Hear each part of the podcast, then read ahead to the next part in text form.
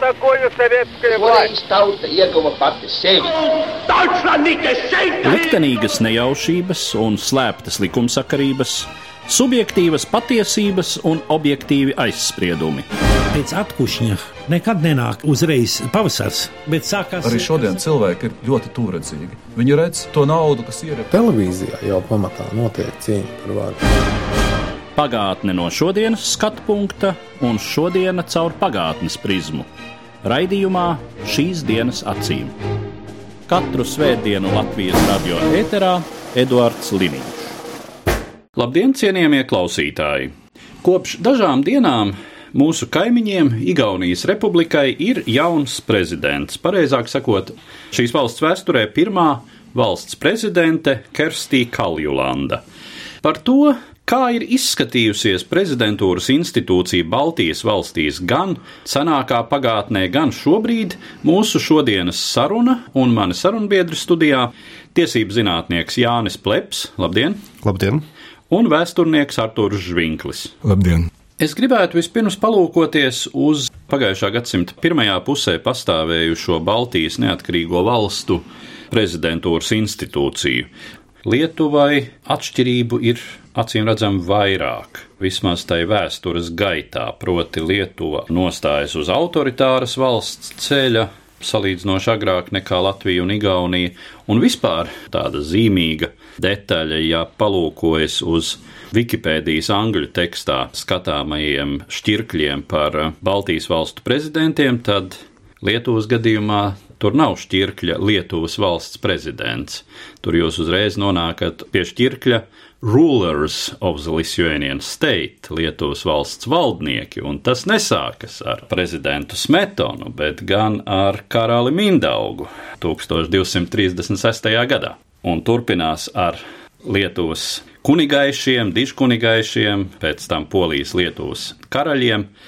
Kas bija tas, kas noteica to, ka Lietuva agrāk ļāvās šai autoritārismu tendencei jau 1926. gadā? Pirmkārt, man liekas, būtu jārunā par to, ka Lietuvai bija raksturīga tajā brīdī tieši valstī dibinoties un pirmajos neatkarības gados daudz lielāka politiskā nestabilitāte, arī ģeopolitiskais stāvoklis bija nestabils atšķirībā no Latvijas un Igaunijas. Te jāņem vērā konflikti ar Poliju, Viļņas jautājums, jāņem vērā valdību nestabilitāte un 20. gadu pirmā pusē par parakstītais neuzbrukšanas līgums ar Padomju Savienību, kas izsauca milzīgu politisko viļņošanos Lietuvā un pārmetumus, ka Lietuvas valdība mēģina Lietuvu bolševizēt. Tā kā tieši šī nestabilitāte politiskā, militāri strateģiskā, jāsaka, tie bija galvenie, manuprāt, nosacījumi, kas noteica to, ka Lietuva pirmā pārgāja uz autoritāras varas formām. Man liekas, mēs šeit runājam par Mindaugu, ar ko mēs lieliski sākām. Tad jāatcerās arī, ka 18. gadā bija Mindaugs otrais. Respektīvi, Lietuva nevis pasludināja uzreiz republiku, bet atjaunoja savu valsti. Un tas pirmais lēmums bija par karaļa ievēlēšanu, kas bija saistīts ar ģeopolitiskajiem apsvērumiem par draudzību ar Vāciju. Vēl nebija bijusi revolūcija Vācijā, un tad viņi ievēlēja vācu princi von Urahu par Lietuvas karali Mindaugu II un tas prezidents tikai pēc tam nāca. Tāda situācija diez vai būtu domājama tā brīža Latvijā vai Igaunijā. Bet taču bija Baltijas valsts projekts, ko mēģināja kārtot vācu baltieši, un arī latviešu teiksim, niedras atbalstītājs pieļauju, redzēja šo trīs tautu valsti ar ciešām saitēm ar Prūsijas karaļnam. Līdz ar to kaut kādi mēģinājumi šeit arī iezīmējās, un tas viss bija atkarīgs droši vien no tā, kā beigsies Pirmais pasaules karš. Jā, nu, tas bija provāciskais virziens, te jāņem vērā Latvijas situācija, kas tomēr eh, radikāli atšķīrās atšķirībā no Lietuvas kur bija šīs valstiskuma tradīcijas. Ne Latvijā, ne Igaunijā viņu nebija. Tautā valdīja neusticība tam, ka Latvijā vispār var būt valsts, izveidot drīzāk lielāku atbalstu tajā brīdī, kamēr nebija vilšanās ieguva tieši lielinieki un stučkas valdība. Jā, un visam tam fonā, protams, ir izteikta pretvāciska tendence, varētu pat teikt, naids pret vāciešiem, kā pret etnosu, kas pastāvēja Latvijā, droši vien arī zināmā mērā Igaunijā. un tāda fona nebija sākotnēji Lietuvā. Bet um, Runājot par šīm prezidentūras institūcijām, es domāju, ka jūs man piekritīsiet, visās trīs valstīs ir zināma tendence vairīties no viena cilvēka rokās koncentrētas lielas varas. Tiešām jāsaka, ka tā bija izvairīšanās visās trīs Baltijas valstīs no stipra prezidenta. Tas bija mērķtiecīgi, jo parasti, ja mēs skatāmies uz deputātu diskusijām par konstitūcijām, tur parādās atsaucas uz Krievijas impērijas pieredzi, tā tiek kritizēta un ir mērķis veidot demokrātiskas sistēmas. Un šeit mēs jau runājam, ka tā pieredze arī bija gan maza, bet ir mērķis veidot pēc Francijas tā laika un Anglijas parauga, Vācijas Veimāras konstitūcijas paraugs, kas gan tieši prezidenta institūcijas gadījumā tiek arī kritizēts un apšaubīts, bet tas modelis ir tāds, ka ir stiprs parlaments, kas izveido valdību, kurā ir nosacīt visas valsts pilnvaras, un prezidents vairāk tiek atstāts kā simboliska ceremoniāla funkcijas īstenotājs. Un Latvija un Igaunija mazliet arī mēģina atrast risinājumus, kā atteikties no valsts prezidenta. Jo, ja atceramies Latvijas pieredzi līdz satversmei, mums jau nebija prezidenta amats. Tātad augstākās pilnvaras piederēja parlamenta vadītājiem, Jānim Čakstam, kā tautas padomjas priekšsēdētājiem, un pēc tam kā satversmes sapulces priekšsēdētājiem. Un tikai satversmes sapulcē ar ļoti mazu vairākumu tiek atbalstīts šis variants, ka ir prezidents. Un savukārt Igaunija gāja tālāk, viņa atteicās no prezidenta amata un ieviest tādu interesantu risinājumu kā valsts vecākais, Rīgi Vanem. Un valsts vecākais vienlaikus bija ministru prezidents mūsu izpratnē, kuram bija piešķirtas valsts galvas funkcijas. Un tas modelis Igaunijā bija diezgan vājš, jāteic, jo Igaunijā bija ļoti daudz tāpat kā Latvijā valdību krīzes. Un, ja Latvijā mainījās tikai ministru prezidents, valdības, bet nosacīts vismaz prezidents palika stabils un pilsoņiem bija iespēja vismaz redzēt kādu stabilitāti valsts sistēmā, tad Igaunijas gadījumā, mainoties valdībai, automātiski mainījās arī dzan valsts vadītājs. Un tas Igaunijas saraksts no tiem 20, 30 gadiem ir pamatīgi garāks. Tur gandrīz vai vidējais ilgums ir kādi 6, 9 mēneši. Lasot par um, pirmskara Baltijas valstu konstitūcijām, parādās pat tāds apzīmējums kā radikāls parlamentārisms. Tā kā zināmā mērā, ja mēs ievērojam, ka satversme joprojām ir spēkā tāda, kāda tā ir, var teikt, ka mums ir šāda sistēma. Satversmes teksts nav mainījies, bet diezgan daudz būtiski ir mainījies tas lasījums. Un šobrīd šī sistēma funkcionē līdzīgi kā 20. un 30. gados, bet ar savām atšķirībām. Viena lieta ir tā, ka praksē ir pieaudzis kopš valsts prezidenta institūcijas darbības atsākšanas valsts prezidenta ietekme uz aktīvo politiku. Teiksim, ja mēs salīdzinātu pirmskara prezidentu paveikto vai tos darbus ar mūsdienu prezidentiem, tur būtu atšķirības. Un otra lieta, kas ir notikusi un kas ir kvalitīvi uzlabojusi sistēmas funkcionēšanu, ir tās mazās korekcijas vēlēšanu likumos, kas neļauj sadrumstalot parlamenta sastāvu jo tā bija tā galvenā problēma 20. un 30. gados gan Igaunijā, gan Latvijā, kad bija šie viena, divu cilvēku frakcijas, ar kurām ar katru vajadzēja runāt, lai izveidotu valdību, un šīs valdības bija ļoti nestabilas.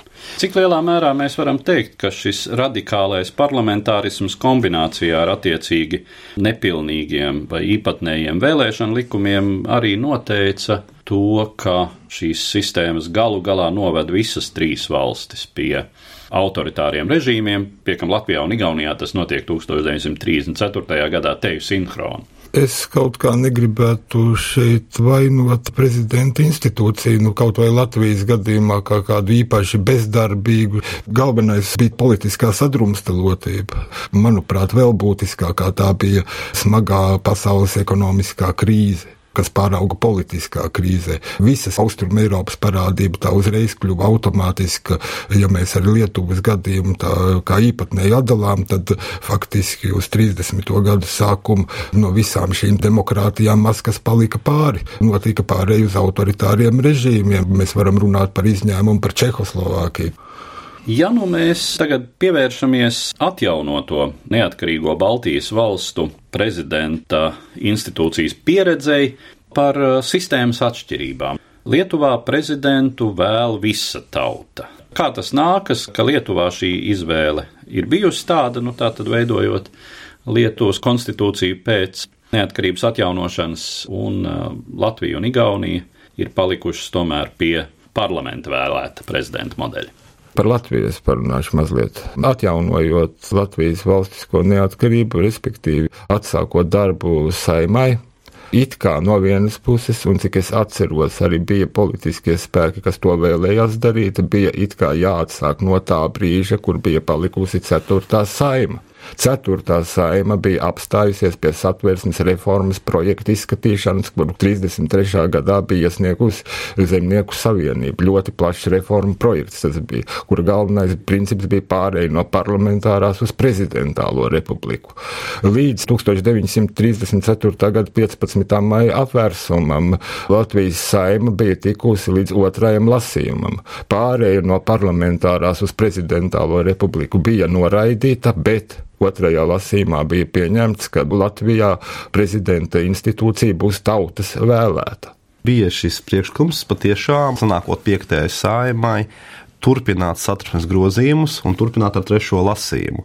Un formāli tas bija iespējams, jo ir parlamentu kontinuitāte un lietas, ko viens parlaments nav pabeidzis, otrs var pārņemt.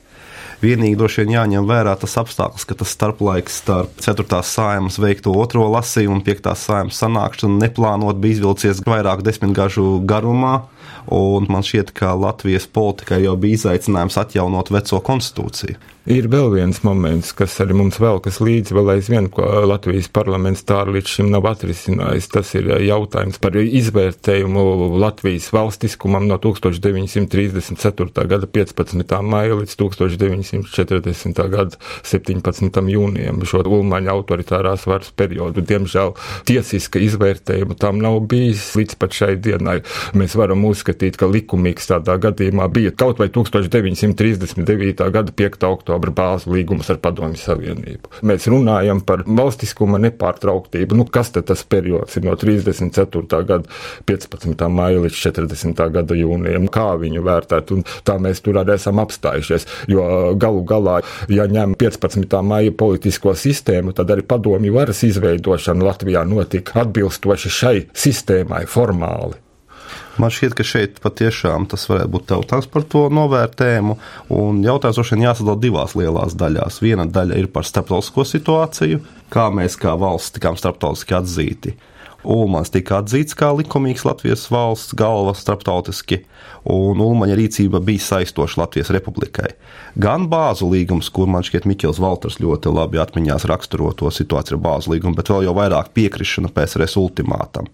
Tā vairs nebija brīva griba, tas bija ar draudiem, ar spiedienu panākts lēmums, un no tā brīža Ulmanis vairs nerīkojās kā Latvijas valsts galva. Es te gribētu tomēr iebilst. Izteikti draudi, protams, viņi bija, tos nevar noliegt, bet 39. gada 5. oktobra līgums tika formāli, juridiski korekti parakstīts. Draudi paliek aiz kadra. Mums nav neviena oficiāla Latvijas valsts paziņojuma šai sakarībā arī par 40. gada 16. jūnija notu Nav nekādu protestu, nav nekādu oficiālu paziņojumu. Diemžēl šis moments ir ļoti svarīgs, jo īpaši ņem vērā mūsu šodienas attiecības ar Krieviju. Ar šo jautājumu vēl ļoti ilgi spēlēsies šajā gadījumā. Šeit gan jāteic divi punkti.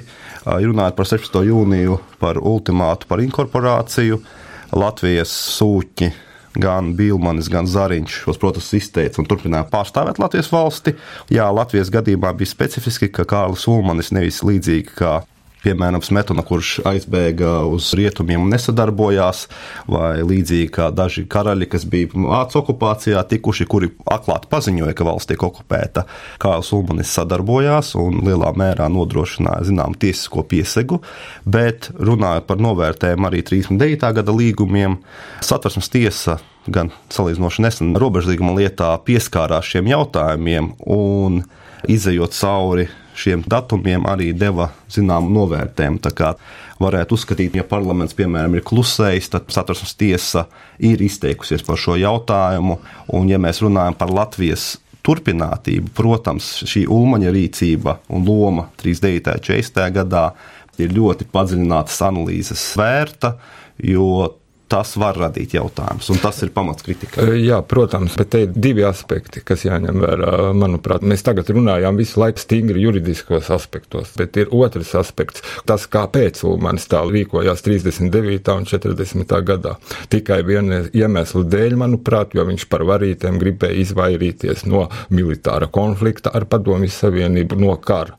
Manuprāt, tā bija vienīgā tā brīža pareizā rīcība, ņemot vērā situāciju, kas bija izveidojusies, nepretoties, piekāpties. Nu, te nevajag strikti sausi juridiski skatīties uz šiem jautājumiem. Es varu tikai piekrist, tāpēc arī teicu, ka ir divas daļas. Viena daļa tā, kas skar mūsu nepārtrauktību, mūsu valstisko identitāti, un otra ir tā cilvēciskā puse, kas droši vien patiešām ir vairāk sabiedrības diskusiju vēsturnieku, tiesību vēsturnieku jautājums, salikt pa plauktiņiem un mēģināt tikt galā ar to visu, jo galu galā mums arī uzvārds Ulmanis zināmā mērā simbolizē šo nepārtrauktību, jo pirmo prezidentu, ko mēs ievēlējām pēc neatkarības atjaunošanas, mēs ievēlējām arī īsto uzvārdu.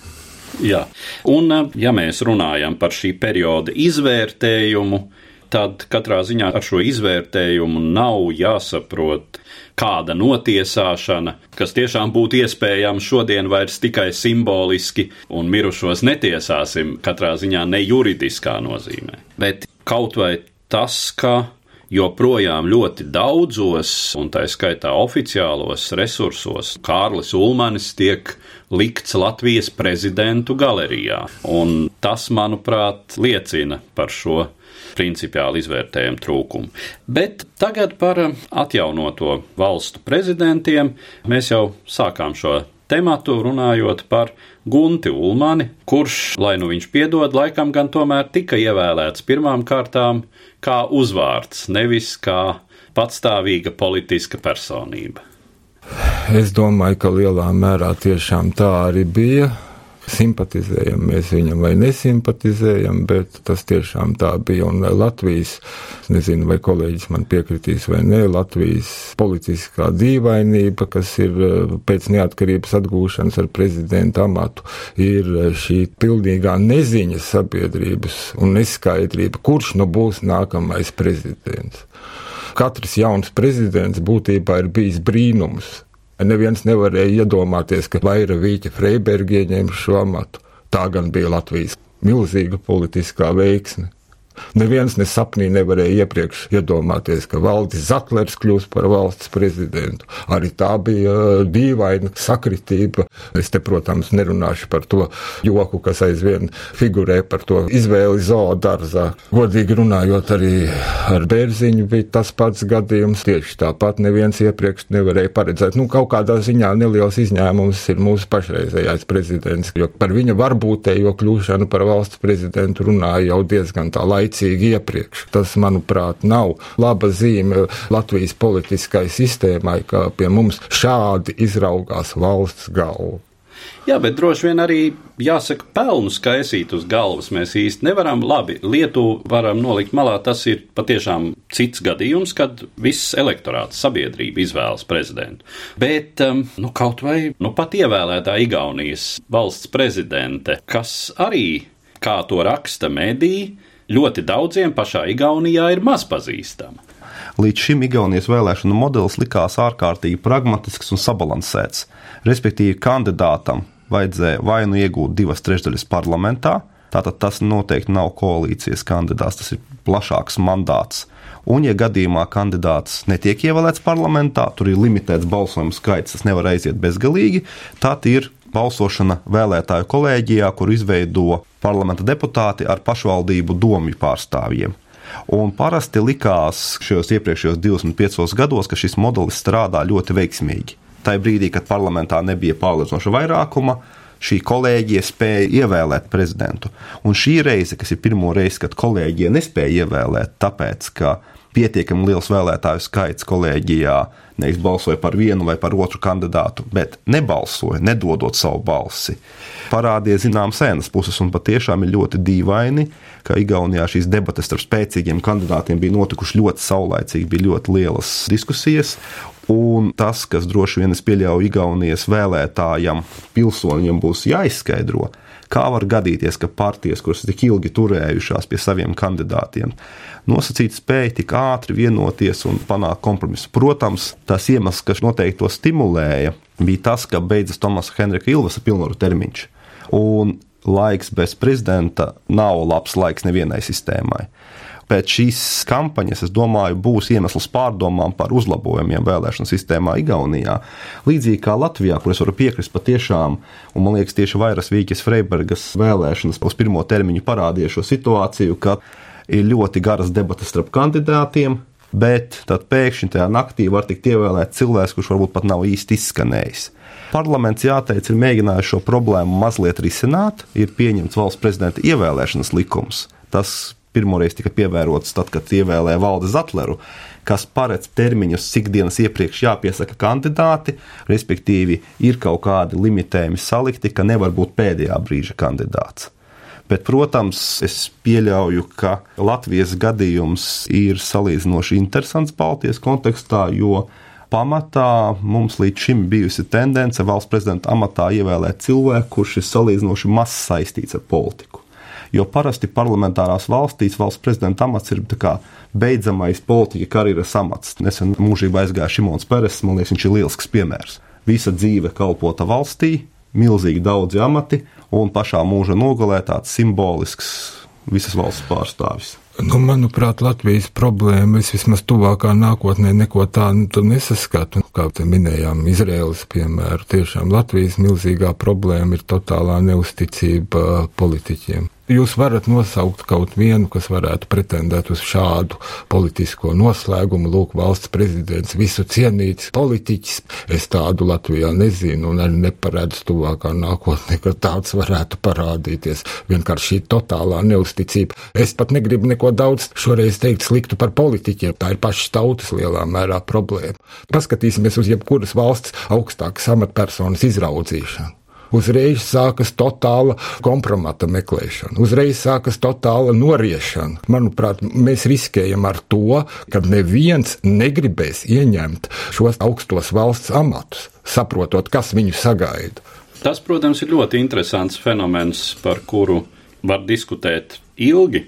Kāpēc tas tā ir izveidojies? Mēs uzreiz saprotam, jā, iepriekšējās formācijas mantojums, mēs esam mantojuši sabiedrību, kura lielā mērā ienīst savu varu, un uh, tas, ka ir atgūta valstiskā neatkarība, kā izrādās, automātiski nemainīja sabiedrības un varas attiecības. Nu, starpā bija totāls uzticības periods. Mēs atceramies neatkarības atjaunošanu, lai kādus soļus spēra kaut vai godmaņa valdība. Šajā periodā, kad vēl pastāvēja PSRS, tauta bija gatava iet uz barikādiem. Mēs taču to zinām. Un šai brīdī jāatzīst godīgi, ka mūsu varas vīri arī sāka savas rebes un savas lietiņas kārtot. Protams, ar nokavēšanos tauta to ieraudzīja, un tagad tas tiek attiecināts un ekstrapolēts uz visiem politiķiem. Tauta mācās no savām kļūdām, mācās kā prot. Ja jau mēs paskatāmies uz Lietuvas piemēru, tautas vēlēti prezidenti, bet atkārtošos galerija stipri līdzīga. Mums ir Lietuvā vismaz viens cilvēks ar padomju sistēmas pieredzi, proti, pirmais Lietuvas valsts prezidents Aļģirds Brazausks, padomju nomenklatūras darbinieks. Nu, mums kā... bija Gorbunovs Anatolijas. Jā. Būtībā jau gandrīz viens pret vienu tomēr. Jā, taču jā. Anatolijas Gorbunovs nekļuva par Latvijas jā. valsts prezidentu. Bet jāteic, ka viņš pildīja valsts galvas funkcijas o, šajā periodā, nu, kad bija augstākā padome. Tā, bija augstākā amatpersona. Jā, viņš bija valsts galva jā. šajā periodā. Būtībā sanāk tomēr tas pats. Tādēļ arī jāsaka, Arnolds Rītels Igaunijā gan ne partijas, bet padomju darbinieks. Tāpat visās trijās valstīs ir pa vienam trimdas pārstāvim izteiktam Vairvīķa Freiberga Latvijā, Valca Damkus Lietuvā un nu pat savu pilnvaru termiņu pabeigušais, var teikt, Tomas Henriks Silves Igaunijā. Izņēmums, kāda tomēr nav Latvijā, lai ko mēs teiktu par Valdi Zatleru un Andru Bērziņu, bet eh, prezidents, kuram parlaments izsaka neusticību, proti Rolands Paks Lietuvā, Paksa lieta vēl joprojām juridiski jāsaka turpinās, jo tie ir reti gadījumi, kad prezidentu atceļ no amata impeachmenta kārtībā par konstitūcijas pārkāpumiem. Un parasti arī, ja kaut kas tāds tuvojas, mēs atceramies Richardu Niksonu, prezidents parasti pats atkāpjas, aiziet no politikas. Paks tika atcelts no amata, bet kas vēl bija ļoti interesanti lietos gadījumā, tad, kad prezidents zaudē amatu impeachmentā, parasti rodas sajūta, ka viņa karjera ir sagrauta. Bet ārkārtas vēlēšanās viņš bija gatavs kandidēt atkal. Un pat uzrādīja aptaujas, ka arī atkārtotās vēlēšanās Paks varētu vēlreiz uzvarēt. Un tad viņiem aizliedza kandidēt. Konstitucionālā tiesa pateica, ka tas, kas ir lauzis zvērestu, vairs nekad mūžā nevar zvērēt vēlreiz. Toties Eiropas cilvēktiesību tiesa, kur viņš Strasbūrā izgāja, pateica, ka viņš varētu kandidēt.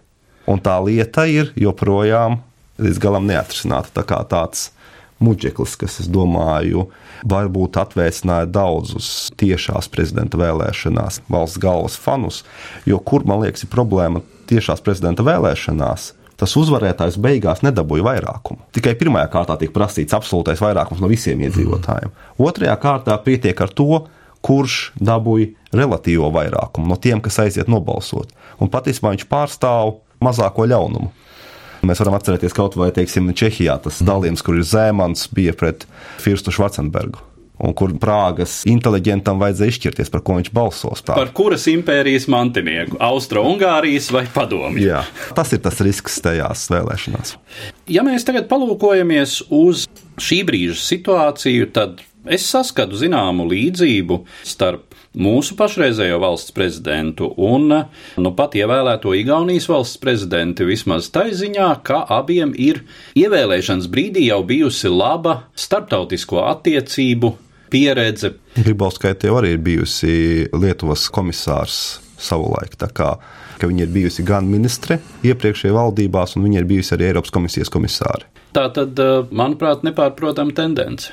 Nu, iespējams, lai gan te ir viens jautājums pēc neatkarības atjaunošanas prezidentiem, kas ieņēmuši šo amatu. Katram ir bijusi sava stiprā puse. Vairāk Vīķai Freibergai tas ir ārlietas, tas ir ārējā valsts reprezentācija. Pietrūkš iekšējā.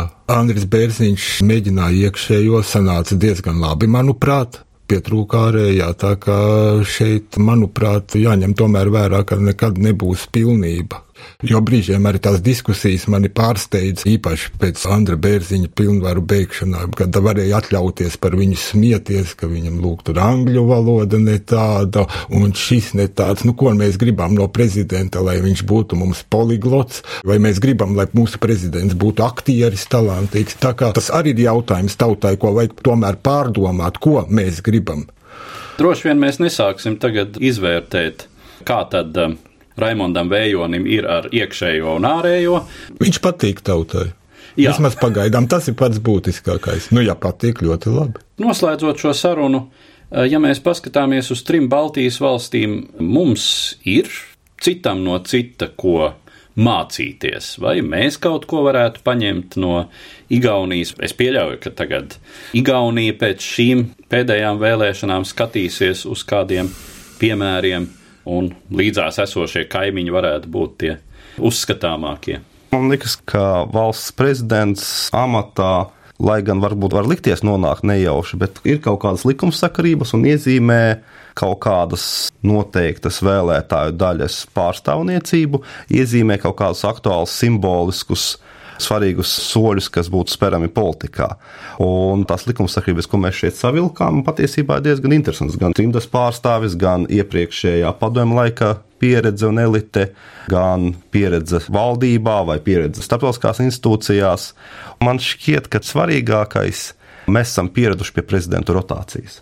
Jo, ja mēs paskatāmies uz daudzām bijušajām padomju republikām, tur joprojām kā tas pirmais prezidents ir bijis, tā ir vai nu viņa akceptēts pēctecis, vai viņš joprojām pats pilda pienākumus. Te ir politiskās tradīcija un kultūras jautājums. Mēs nekad nevarēsim paprasīt no Vidusāzijas, Turkmenistānas, Taģikistānas, lai tur būtu rietumu tipa demokrātija. Nekā tur tāda nebūs. Mēs nevaram to prasīt no Krievijas. Nekā tur tāda nebūs. Vai tiešām nekad? Šis...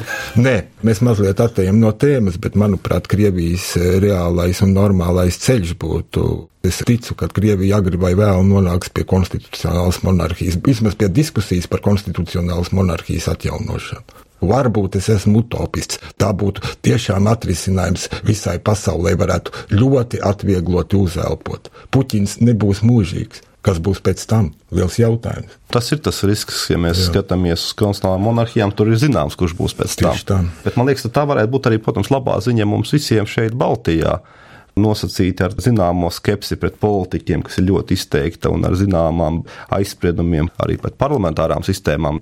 Tomēr šī tendence pēc stiprās rokas nav izteikta.